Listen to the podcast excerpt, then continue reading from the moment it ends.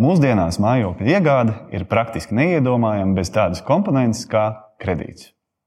Seibanka ir būtisks kreditēšanas spēlētājs mūsu tirgu, un tieši tādēļ uz sarunu esmu aicinājis Seibankas valdes locekli Kārlu Daneviču, lai klātienē aprunātos par to, kas patiesībā notiek aiz durvīm, kad tiek pieņemts viens vai otrs kredīta lēmums.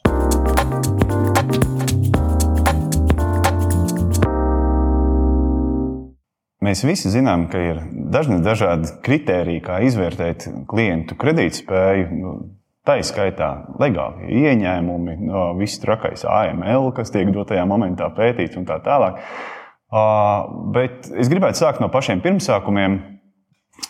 Man ir vēlme iegādāties mājokli, un kas ir tas īstais brīdis, kad man vajadzētu iet uz banku, painteresēties par savu kredītspēju? Tas ir jau moments, kad es esmu atradis kādu konkrēto mājokli, vai tomēr varbūt mirkli pirms tam, lai es saprastu, kāda ir mana iespēja paņemt kredītu apjomu un attiecīgi arī piemeklēt savai kredītspējai atbilstošu pirkumu.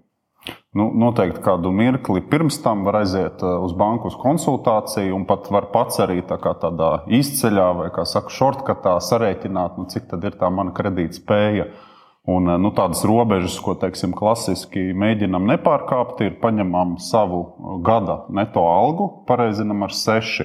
Nu, tas aptuveni varētu būt tāds teiksim, nu, veselīgs, saprātīgs aizņemšanās apjoms. Eh, tad mēģinām dabūt eh, pirmo iemaksu, nu, arī neksim, no tā, tā dzīvokļa vērtības vismaz 5% pie nosacījuma, ka būs altuma programmā iespēja piedalīties. Un skatāmies, lai tas nu, kredīt maksājums tur var banku kalkulatoros sarēķināt vai citādi sarēķināt, lai viņš nu, nepārsniegtu vēlams 40% no, no ikmēneša ieņēmumiem. Tā kā to teiksim, tādu konceptuālo sagatavošanās darbu, sekojot šai formulai, katrs pats var izdarīt, bet, nu, protams, ir labi aiziet pie banķieriem uz banku, saprast savu kredītspēju, kredīt kapacitāti Un tad jau skatīties, vai es pērku divu stabu dzīvokli, vai tur ar balkonu, vai bez balkona, vai tur stāvvietu var atļauties klāt vai nē. Starp citu, jā, minēja par uh, Altuma programmu. Cik tā ir populāra pircēju vidū? Altuma programma ir ļoti populāra. Patiesībā sakot, nu, mēs bieži esam kritiski par savu valsti, bet nu, es jums objektīvi varu, varu teikt, ka kreditēšana arī uh, labi pārauga lietas Ziemeļ-Eiropas reģionā. Nu, Altuma atbalsta programma tieši privātpersonām ir viena no veiksmīgākajām Eiropā. Un, teiksim, nu, no, no jaunisniegtiem kredītiem ir, ir, ir situācijas, kur nu, bieži pat 30-40% ir ar altuma atbalstu, kas ir liela proporcija no kopējā tirgus. Līdzīgi teiksim, tāda valsts liela intervence vai, vai atbalsts mājokļu pieejamības un hipotekārās kreditēšanas veicināšanā ir tikai Amerikā. Eiropā ir maz tik tādi pozitīvi piemēri kā šis Latvijas piemērs. Nu, redz, mums, ir, mums ir pamats lepoties. Ir pozitīvs lietas. Absolūti. Un, un, un patiesībā par šīm lietām ir jārunā un, un jārunā skaļi, jo, jo, jo kaut kā esam pieraduši nu, tā. Mīņāties un teikt, visi labākie un tā tālāk. Nē, arī Latvijā notiek foršas lietas. Un, un... Jo dzīvoklis un nekustamais īpašums, nu, tas ir vidusšķiras pamata pamats. Un tas ir teiksim, tas, kas nu, ļauj tev uh, veikt kaut kādu investīciju, un pie nosacījuma, ja ekonomika aug un attīstās, nu, tad tu arī esi kaut kāds investors. Un, uh, nu, pasaulē faktiski, ja mēs skatāmies tā, nu, vispār zoom out un uz visu, visu pasauli, tad uh, nekustamais īpašums ir pārliecinoši numur viens investīcija veids. Vai tas ir dzīvoklis, vai tas ir īres dzīvoklis, vai tas ir kaut kas cits. Nav svarīgi, bet nu, pats, pats kā teiksim, tāds aktīvs viņš ir bijis un viņš vienmēr būs numur viens un pārliecinošs.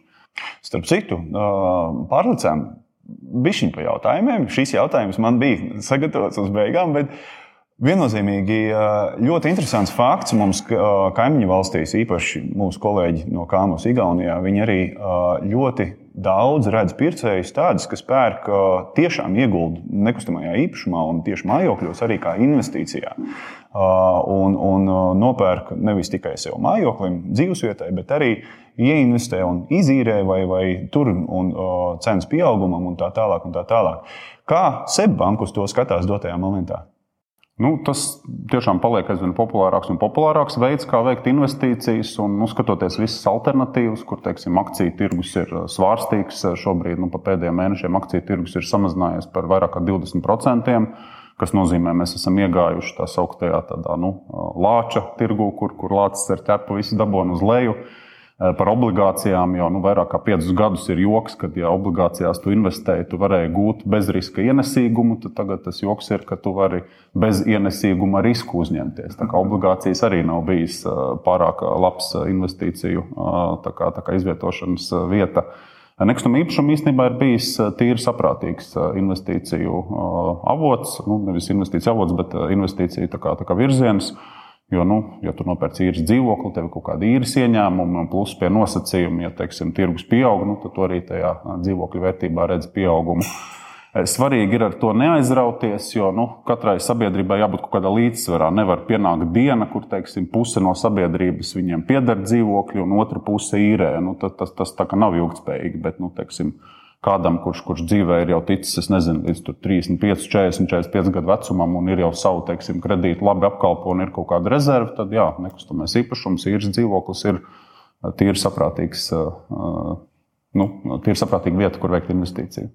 Ļoti labi, jo teiksim, nu, kaut kur jums arī nu, no, no, no Seibankas skatoties. Skandināvijā nu, un citur, teiksim, Rietumē, Eiropā īrēt dzīvokli ir patiesībā bez mazliet nu, normāli un, un nevis uh, iegādāties īpašumā. Mums Latvijā tomēr un Baltijā varbūt uh, ši, šajos platumgrādos ir tomēr tā vēlme pašiem iegādāties. Uh, un, un uh, jautājums tieši uh, arī par to, vai cik bankas ir atbalstošas tieši šādu investīciju tipu kreditēšanā. Nu, bankas ir atbalstošas, kamēr neredz teiksim, kaut kādus tādus nu, ļoti būtiskus makroekonomiskos riskus, jo nu, tā situācija nu, dramatiski un pozitīvi atšķirās no 2007. un 2008. gada. Tad tas droši vien bija neprāts gan no banku puses, gan no aizņēmēju puses, kas kādu, kādu brīdi tirgū notika. Šobrīd tādas neprāta pazīmes mēs nemanām. Mēs redzam, ka kredītu sloks teiksim, uz visu sabiedrību vidēji ir ļoti mazs. Tad, tad nu, teiksim, tādu sistēmisku kaut kādu apakaliptisku draudu nav. Cilvēki vidēji ļoti apdomīgi, ļoti piesardzīgi. Nu, skaidrs, ja tu teiksim, pērci to dzīvokli savām vajadzībām, tad, nu, kā jau minēju, tā pirmā iemaksa varbūt ir tikai 5%, plus tev ir teiksim, altuma atbalsts 10%.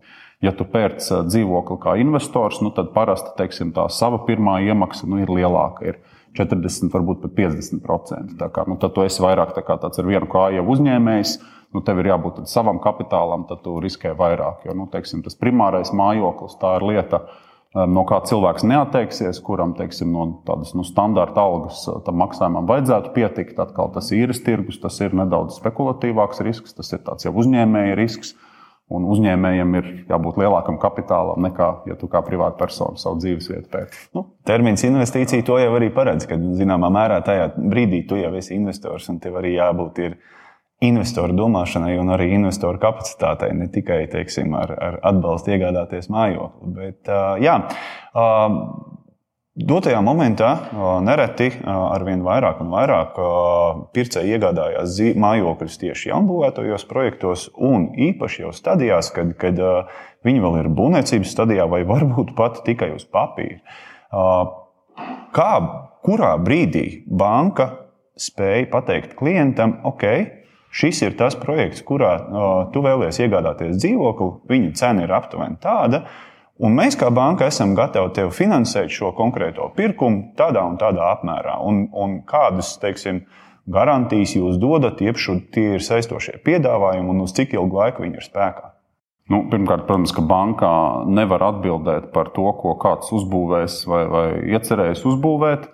Bet nu, tas tās sliktās ziņas, bet tās labās ziņas ir, ka, nu, protams, banka izvērtē savus sadarbības partnerus. Un, ja jūs redzat, ka kāda nu, cienījama banka, piemēram, SEB banka, piedāvā uh, kopīgus uh, finansēšanas nosacījumus vai teiksim, kaut kādu īpašu finansēšanas nosacījumu kādā jaunajā projektā, nu, tā ir laba zīme pati par sevi. Tas teiksim, nenozīmē, ka banka tur uzņemās visu atbildību par to, ka jums tur patiks, kā ir nokrāsots un, un, un radiators būs taisns un tā. Bet, bet nu, tas nozīmē, ka tas ir nopietns attīstītājs, tas ir nopietns sadarbības partneris, un tā ir teiksim, laba un skaidra zīme.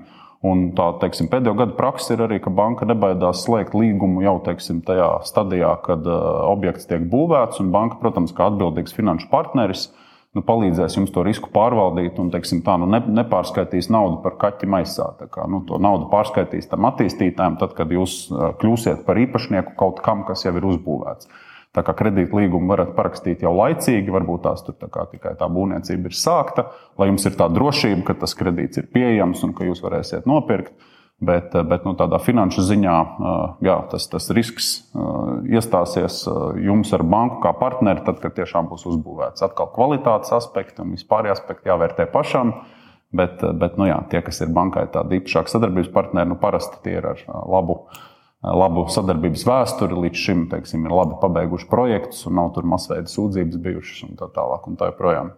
Respektīvi, mēs varam iedrošināt arī uh, pircējus, šo uh, personas, kas, kas vēlas iegādāties mājokļus, bet dotajā momentā varbūt tieši šodien vēl šīs naudas nav, un priekšā vēl ir. Pieņemsim, gada būvniecības procesu, un gada laikā var arī sakrāt visas tās pirmās iemaksas un visu pārējo. Uh, var iedrošināt vērsties bankā un painteresēties par, par kā būtu, ja es pirktu šeit. Ne, tieši tā, un teiksim, tāda pārspīlēta pietāta pret bankām nav nepieciešama, jo nu, bankas, bankas konkurē savā starpā, un, un tu esi bankai klients. Tev ir, tev ir jāsaņem labs servis, labs pakalpojums. Un, kā, nu, protams, ka banka mēģinās tevi, tevi sarunāt, tad, kad tu, tu, tev ir interese par kredītu, un tad, kad tev ir ērti. Nevis tad, kad bankai ir ērti. Um, uzreiz arī jautājums par, par uh, jau minēju, par, par, par attīstītājiem un par kompānijām, kuras vai nu uzbūvēs, vai nu neuzbūvēs. Cik šis aspekts ir no svara bankai tieši izvērtējot uh, konkrēto kredītu, dot vai nedot, uh, un apstiprināt vai nē, nu, respektīvi kompānijas un attīstītāja reputācija? Nu, jā, droši vien būs situācijas, kur varbūt banka pat līdz galam jums nepaskaidros, kāpēc, bet, bet, bet vairīsies no kaut kādas teiksim, dziļākas sadarbības ar kādu attīstītāju. Bet nu, tie ir atsevišķi izņēmumi. Pārsvarā jau tomēr tie attīstītāji, kas Latvijā ir, viņi ir ar pabeigtiem projektiem, ar normālu reputāciju. Bankas tur piedāvās īpašos piedāvājumus sadarbībā ar viņiem, un atkal tā būs laba zīme. Un, teiksim, nu, tad jūs tad jūs varat cerams uzticēties gan attīstītājiem, gan arī par to finanšu pusi nesatraukties. Nebūs tāda situācija, ka jūs esat kredītu saņēmis, esat kādam parādā, bet māja, māja nav uzbūvēta. Nu, tāda, tāda gadījuma nav un nebūs. Nu, mēs tirgū novērojam šo, šo teiksim, vēl piesardzīgo sentimentu, kas, protams, mēs visi atceramies 2008. un 2009. gadu, kad, kad diezgan daudz kredītņēmēji un pircēji cieta no tās situācijas tieši tāpēc, ka nu, iestājās lielais sliktais un, un, un daudzi attīstības projekti tika pamesti pusratā, un, un diemžēl arī šīs pirmās iemaksas tika zaudētas. Tāpēc jā, šis, šis ir būtisks aspekts, un tiešām izvērtēt, man liekas, attīstītājs kopā ar banku, nu, tas, ir, tas ir šīs dienas nu, Nē, nē, skaidrs, ka, teiksim, ja mēs Latvijas sabiedrību pēdējā desmitgadē novērtējam, tad Latvijas sabiedrība bija ļoti traumēta iepriekšējā krīzē un ir tāda nu, pārmērīgi piesardzīga. Mēs tādu piesardzības līmeni īstenībā ne tuvu neredzam ne Lietuvā, ne Igaunijā. Tas man vienmēr atgādina liet, lietuviešu izcelsmes latviešu aktrisi, kas teica, ka no nu, ko atšķirās latvieši no lietuviešiem. Viņa teica, ka latvietis ir tāds ļoti nobiedēts lietuvietis, līdz nāvei pārbiedēts lietuvietis. Un tā mums kaut kā ir, ka mēs arī tos savus finanšu lēmumus joprojām pieņemam ļoti apdomīgi, kas ir labi. Bet eh, nu, pārspīlēta piesardzība, tas ir arī neizmantotās iespējas. Kā, nu, es, es kādreiz, kādreiz Latviju tā uh, puspa jokam saucu par neizmantoto iespēju zemi, bet nu, katrā jokā ir daļa patiesības, šajā jokā gan liela daļa patiesības.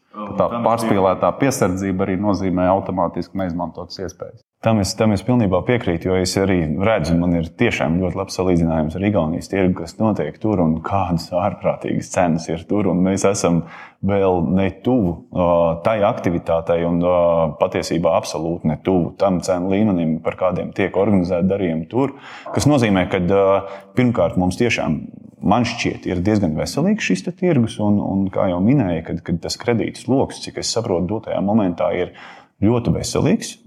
Viņš, viņš nav viens no mazākajiem pasaulē. Viss tāds labākais salīdzinājums ir paņemt, nu, cik ir saistības lokus pret privātpersonām. Latvija ir iestājusies OECD, ekonomiski attīstīto valstu savienībā.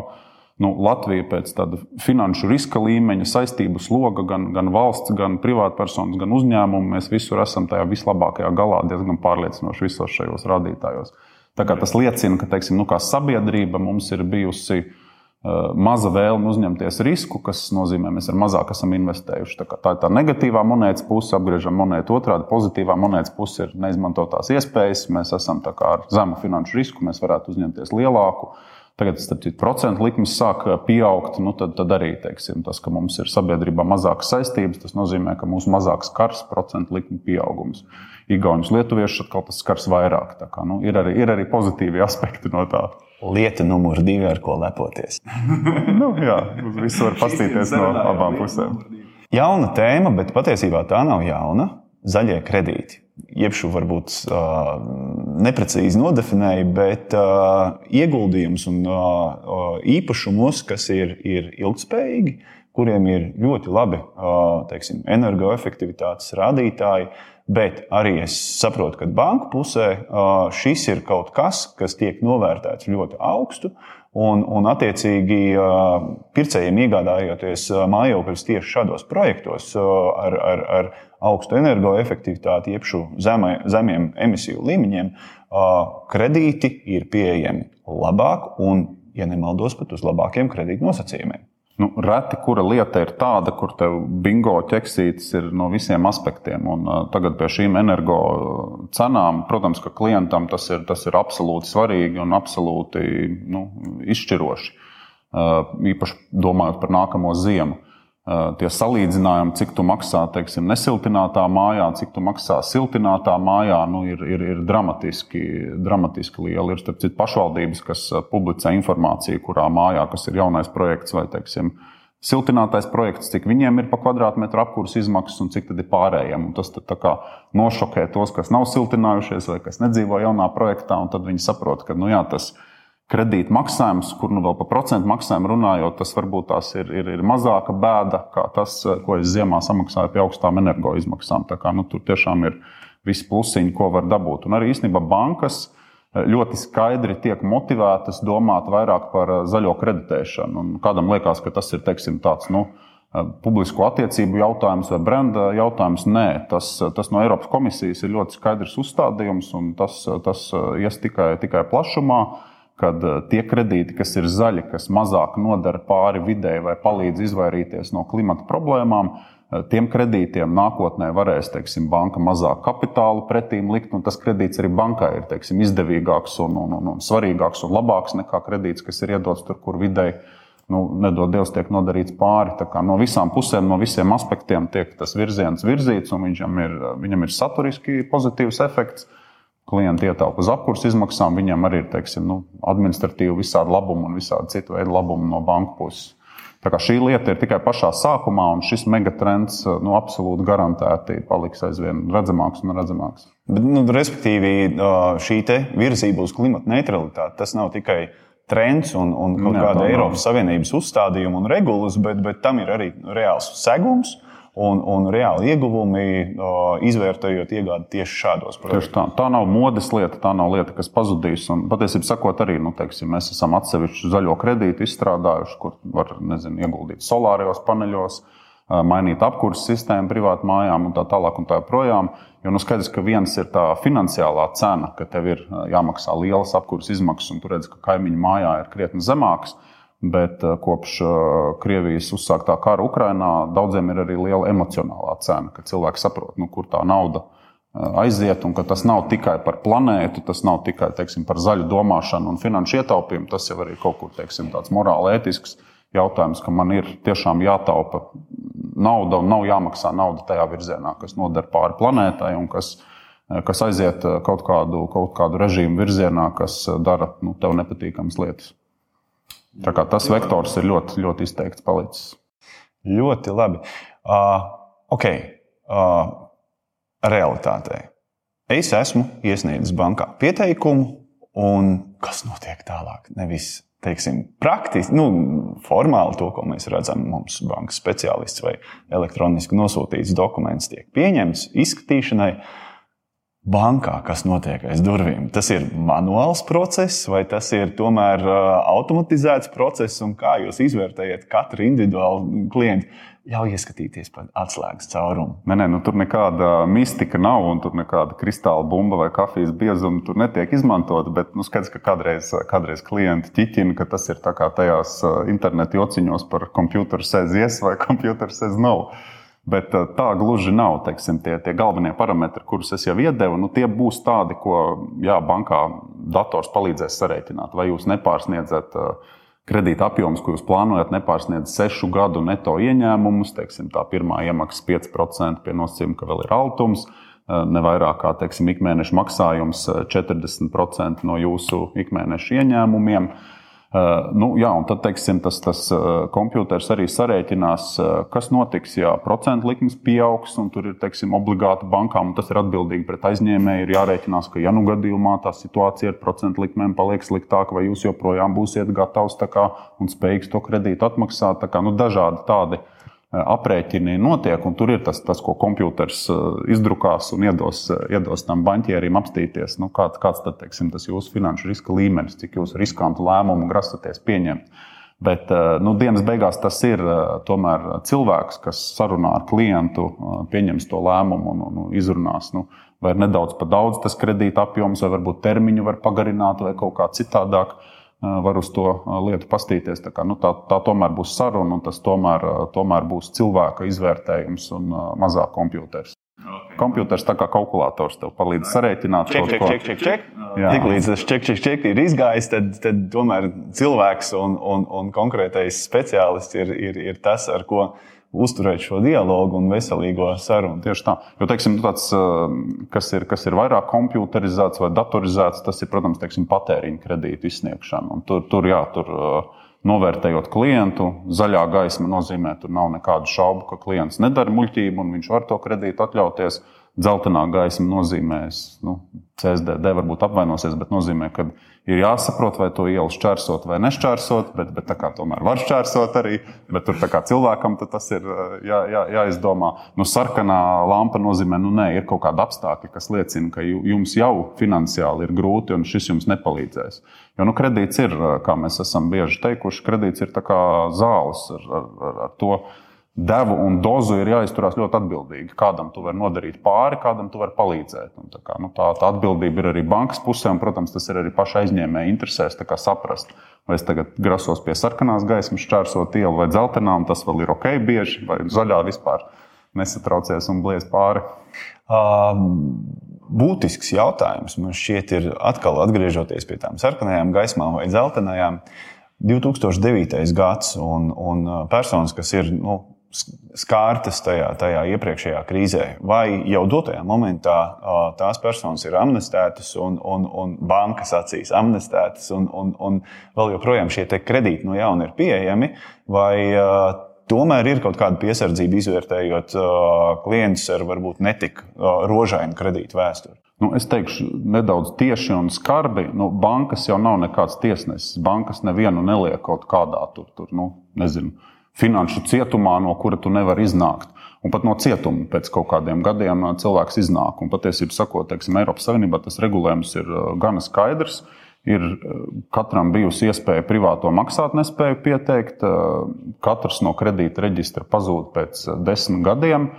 Un, un, un faktiski nu, to savu finanšu dzīvi, tad, tad vissliktākajā gadījumā tu tiešām vari nu, pēc desmit gadiem sākt no baltas, baltas lapas. Uh, Droši vien vairāk problēma ir, kur ja kāds ir teiksim, bijis uh, negodīgs, neētisks, ir kaut kādi teiksim, tādi vēsturiski tā, tādi jautājumi, tad, tad, tad var būt kaut kāda, kaut kāda teiksim, nu, tur būs pazīmes, kas liecinās, ka tu to savu uh, dzīvi kaut kā, kaut kā nedzīvoji uh, līdz galam godīgi, bet visādi citādi. Nu, Katram ir, katram ir iespēja otro reizi un trešo reizi. Cerams, ka ne trešo reizi. katram ir iespēja otro reizi. Kaut kur, kaut kur mēs kādreiz to dramatizējam, ka tas ir kaut kādā melnā, melnā kastē ieslēgts un tev, tev kredīts vairs nebūs. Nē, Nē. Okay. Uh, kas ir tās lietas, uh, uz ko neuzrauties cilvēkam dzīves laikā, lai nesabojātu savu kredītu vēsturi? Nu, tur es jauniešiem izklausīšos kā vecs cilvēks, bet nu, no sirds es saku, no pieredzes es saku, no 20 gadu pieredzes kreditēšanā, visbriesmīgākās lietas, kas uh, sačakarē cilvēka finanšu veselīgumu, ir azartspēles un uh, ātrie kredīti uz augstām likmēm. Tātad tiešām nu, no pieredzes, kur ģimenes eh, izjūg hipotekāros kredītus, nespēja maksāt, vai kur cilvēks atnāk un viņš gribētu investēt savā nākotnē, bet viņš nevar. Nu, pārliecinoši pirmajā vietā ir eh, neapdomīgas rīcības ar azartspēlēm un eh, ar ātriem kredītiem uz lielām likmēm. Protams, ir situācijas, kur patēriņa kredīts ir absolūti ok, bet nu, tā likme nevar būt nesamērīga. Un, teiksim, tā, situ, tā situācijā nevajadzētu būt picai vai, vai, vai nedodies azartspēlēm, kur paņem ātrā kredītu, lai uzspēlētu azartspēles. Bet, ja es paņēmu ātrā kredītu, nu, nezinu, tur, telefonam, leduskapim, vai remontam, vai solāriem paneļiem, viss ir kārtībā. Ar to tu nesačakarēsi savu to finanšu background un savu to finanšu veselīgumu. Bet, bet nu jā, vēlreiz azartspēles un ātrie kredīti uz augstām procentu likmēm pārliecinoši pirmā vieta. Kā mums izskatās vidēji tirgu dotajā momentā? Pircēji un klienti, tie, kas vēršas bankā, tā, tā maksātspēja, viņi ir, viņi ir veselīgā līmenī, respektīvi, nu, labi, patiešo ēnu ekonomika vēl joprojām ir novērojama. Un, un visi šie AML aspekti, kad naudas izcelsme ir, ir nevisai skaidri pierādām un tā tālāk. Vai tomēr tas mums iet dotajā momentā jau tādā skaistā virzienā, un mums arī šīs dārziņš tiek sakārtots? Nu, skaidrs, ka es bankā strādāju, droši vien redzu to gaišāko daļu. Kad teiksim, tas, kas ir tā pelēkā nauda, nu, vai nu skaidrā nauda, vai, vai kripto, teiksim, modīgi darboties un visādi citādi. Tas, tas mazāk nonāk līdz bankai, bet, bet tajā daļā, ko es redzu, nu, ir, ir dramatiski mazinājies tas ēnu ekonomikas īpatsvars. Un, ja agrāk teiksim, nu, klienti nāca un nesaprata, kāpēc es no aplaukšņa algas nevaru maksāt kredītu, nu, es domāju, pēdējos gadus, astoņus, deviņus, varbūt pat vairāk, tādi, tādi jautājumi īsti, īsti nav. Un, nu, tā ir tā ēnu ekonomikas ēnu puse, kad uh, tu nevari tikt pie bezdarbnieku pabalsta, tu nekrāji pensijai, uh, tev, tev teiksim, uh, nu, tu ne, kaut ko neētisku arī līdzdarbojies, un arī tev teiksim, ir uh, nu, grūtāk saņemt kredītu vai vispār nav iespējams saņemt kredītu. Un, nu jā, tas, tas, tas, tas noteikti ir faktors, nu, kas ir tā sarkanā gaisma. Tas tā ir luksofora līdzībā, tas ieslēdz sarkano gaismu. Tu nevari atnākt uz banku un teikt, ka nu, man ir 1000 eiro skaidrā naudā alga, bet es vēlos saņemt kredītu, un ikmēneša maksājums būs 400 eiro, kas nepārsniedz jūsu 40%. Mm. Nu, nebūs tā iespēja. Starp citu, ļoti labi minēji, ieminējies par kripto un vispār par šiem digitālajiem rīkiem. Uh, Vai šāda veida ieņēmumi arī tiek ņemti vērā? Nu, tas, eh, tas bankas mērķis, nu, banka jau nav tur, teiksim, skolotājs vai mamma vai tētis, eh, bet bankas mērķis ir nenodarīt personai pāri finanšu ziņā. Un, ja teiksim, persona ir divus gadus eh, dzīvojusi, tirgojoties ar bitkoiniem, un bitkoina vērtība ir pieaugusi, nu, nebūtu prātīgi tai personai izsniegt 30 gadu hipotekāro kredītu, domājot, ka vēl 30 gadus uh, bitkoina vērtība pieaugs. Tad tagad ir būtiski samazinājusies. Kas ir balstīts uz divu gadu veiksmīgu pieredzi. Jā, tā kā, tā kā lai, lai cik teiksim, tajā brīdī banka liktos kā sliktais skolotājs vai mamma, tomēr tas ir nu, cilvēka ilgtermiņa interesēs uh, ņemt kredītu ar kaut ko, kas ir ļoti teiksim, stabils un paredzams. Ja tu strādā kā teiksim, talantīgs programmētājs, kaut kādā kripto uzņēmumā, tad droši vien nav problēma. Tu vari, šodien tu programmē kripto, nākamajā pirmdienā tu sāksi programmēt kaut ko citu. Bet, ja tu tikai no tā, teiksim, no melnā pētera spēles, tur, tur kaut ko esi iegūmis pie, pie augošas tirgus, nu, nebūtu prātīgi savus finanšu lēmumus nākamajiem 30 gadiem uz to pieņēmumu balstīt. Sarunas noslēgumā vēlētos nedaudz paspēlēties ar kristāla bumbu kādā virzienā iet mājokļa kreditēšana. Kā tu redzi, kāda būs kreditēšanas nākotne un, un, un varbūt kaut kādas jauni instrumenti, varbūt kaut kādas jaunas tendences? Es domāju, par Latviju tas interesantākais ir tas, ka nu, tā, tā emocionāli un saturiski mēs joprojām neesam atkā, tikuši vaļā vai atkopušies no iepriekšējās krīzes, kas bija 2008. un 2009. gadā. Tallina, Viļņa, Lietuva, Igaunija ir atkopušies, visas pārējās citas valsts arī. Līdz ar to mums tas sākuma punkts ir tāds, nu, diezgan piesardzīgs un diezgan rezervēts, kas nozīmē, ka nu, kaut kādā brīdī mēs arī varam, varam redzēt, ka pat ja kaut kāda ārēja apstākļi, tur karš, procentu likmes un tā ir negatīvas, ka tomēr kaut kāda tāda nu, uzrāvieni vēl tirgu, manuprāt, ir iespējami. Jo nu, teiksim, tas, tas bāzes līmenis, tas kopējais piesardzīguma līmenis joprojām ir gana, gana augsts. Nu, kas man droši vien vairāk biedē, ir demogrāfija. Cilvēku, cilvēku, diemžēl, Latvijā vairāk nepaliek. Kādā brīdī tas tomēr ir faktors, jo nekustamos īpašumus apdzīvo cilvēki. Un arī nu, tāds, tāds megatrends, ko jau mēs izrunājam, nu, ir tas zaļais aspekts. Ja tu dzīvo mājā, kur teiksim, tev apkurss izmaksas ir nezinu, viens eiro par kvadrātmetru augstā decembrī vai, vai janvārī, nu, fantastiski un izcili. Bet, ja nu tie būs 3 vai 4 eiro par kvadrātmetru, tad, tad tas, teiksim, tā dzīvojamā fonda konkrētā pievilcīgumu būtiski var samazināt. Un kaut kādā tādā nu, nākamie gadi, diemžēl, izskatās, kur vairāk būs uzsvars uz to, cik, cik tu esi energoefektīvs un cik tu, cik tu spēj tikt galā ar tām izmaksām. Atkal pats kredītsloks kā tāds sabiedrībā ir zems, un tas varbūt pat nebūs tas galvenais virzītājs spēks. Kas ir starp citu parasti tāda kļūda. Cilvēkiem liekas, ka nu, visu cenu nosaka pieprasījums un piedāvājums. Tā liekas, nu, ka pieprasījums un piedāvājums. Bet patiesībā, sakot, nu, kā ekonomists saka, es nezinu, starp man sanāks saprotam, paskaidrot, cenu nosaka tas marginal supply, marginal demand, kas ir tas robežu piedāvājums un robežu pieprasījums. Jo ne jau visi tirgo un visi pārdod, bet ir kaut kāda maza, maza daļa no sabiedrības, kas katru dienu kaut ko pērk un pārdod. Un līdz ar to tās svārstības var, var būtisku efektu uz cenu atstāt. Ja teiksim, pārdevēji kaut kādā brīdī sabīstās un paliek divreiz vairāk, tad tev īstenībā nu, netiek tirgot visi dzīvokļi. Tiek tirgoti, nezinu, 5000 dzīvokļu, pēkšņi tirgos 10,000. Uzreiz uz cenu var būt liels spiediens uz leju. Vai otrādi, cilvēki, teiksim, daudz ko es savā lokā zinu, gaidīja nākamo krīzi, kur nekustamo īpašumu cenas samazināsies par vismaz 40%. Nu, neko viņi nesagaidīja, neko viņi nesagaidīs. Un kādā brīdī viņi sāks panikot un sāks gribēt pirkt, un tad vairāk parādīsies atkal. Piedāvājums paliek tas pats, pieprasījums pēkšņi var strauji pieaugt. Un atkal tas disbalans var to cenu šai gadījumā palielināt. Tas arī ir nu, jāsaprot, ka, tādi kaut kādi faktori var atstāt būtisku iespaidu uz cenu. Bet nu, nekustamā īpašuma atkal tas pluss ir, ka tas nav akciju tirgus.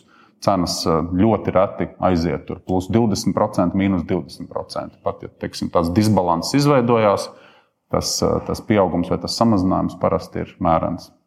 Respektīvi, no bankas skatu punkta veselīgi apdomīgi, bet tomēr mēs varam iet uz priekšu, attīstīties, un mums vēl ir ceļš ejams pozitīvajā virzienā. Jā, tie fundamentālie faktori ir pozitīvi. Kaut kādi īstermiņa bedres priekšā redzam, bet, bet fundamentālie faktori par Latviju noteikti pozitīvi. Paldies, tev, Kārl! Paldies! Tev.